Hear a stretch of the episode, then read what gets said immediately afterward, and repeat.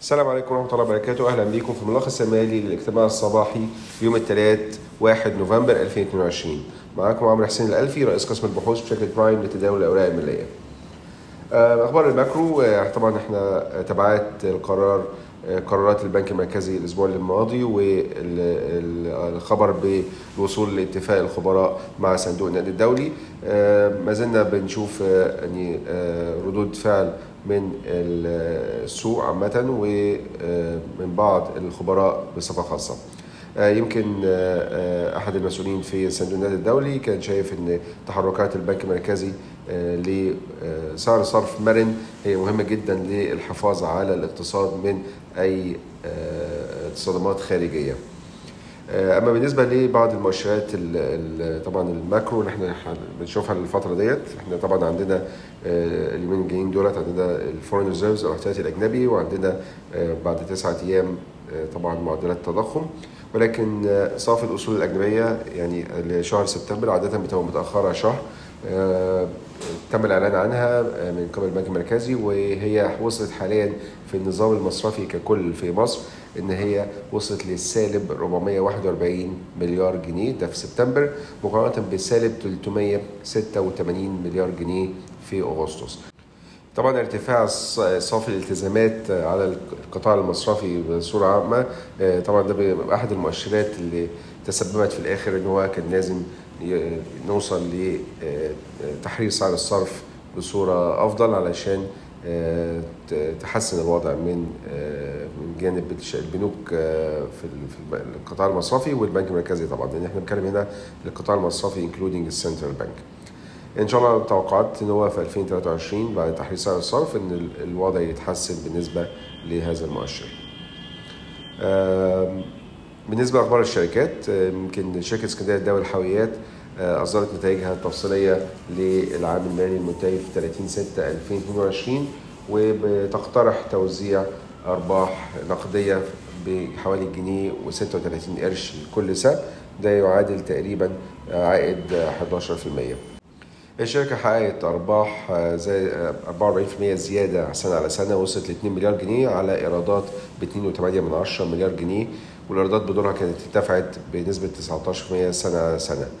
الارتفاع جاي مدفوع بزيادة ال- ال- الأسعار لأن شفنا الأسعار زادت لكل container آه، بحوالي 18% سنة على سنة والشركة تعاملت مع آه، حوالي 840 ألف آه، حاوية.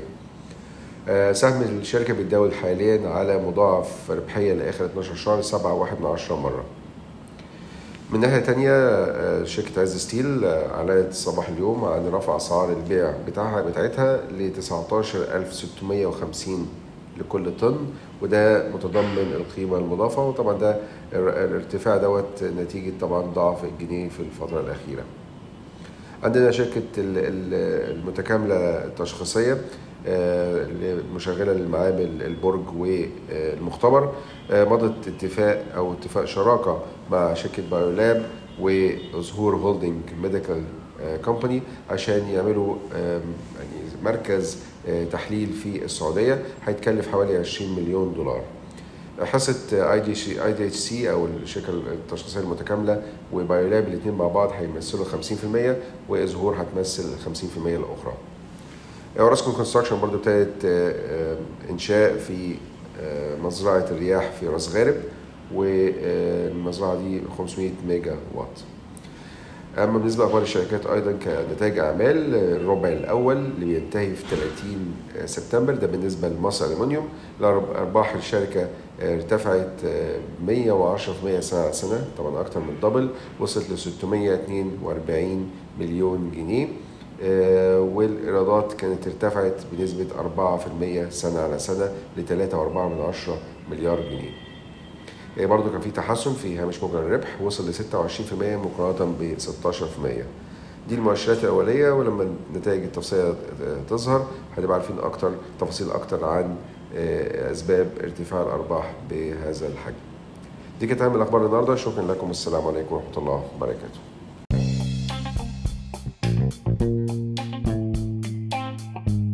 يرجى العلم أن هذا العرض هو لأغراض معرفية فقط. ولا يمكن اعتباره عرض أو توصية شراء أو بيع أو إدارة استثمارات أو خدمات استشارية. ينصح باستشارة مستشارك المالي قبل اتخاذ أي قرار استثماري. الأداء التاريخي ليس مؤشرًا يعتمد عليه لتحديد الأداء في المستقبل.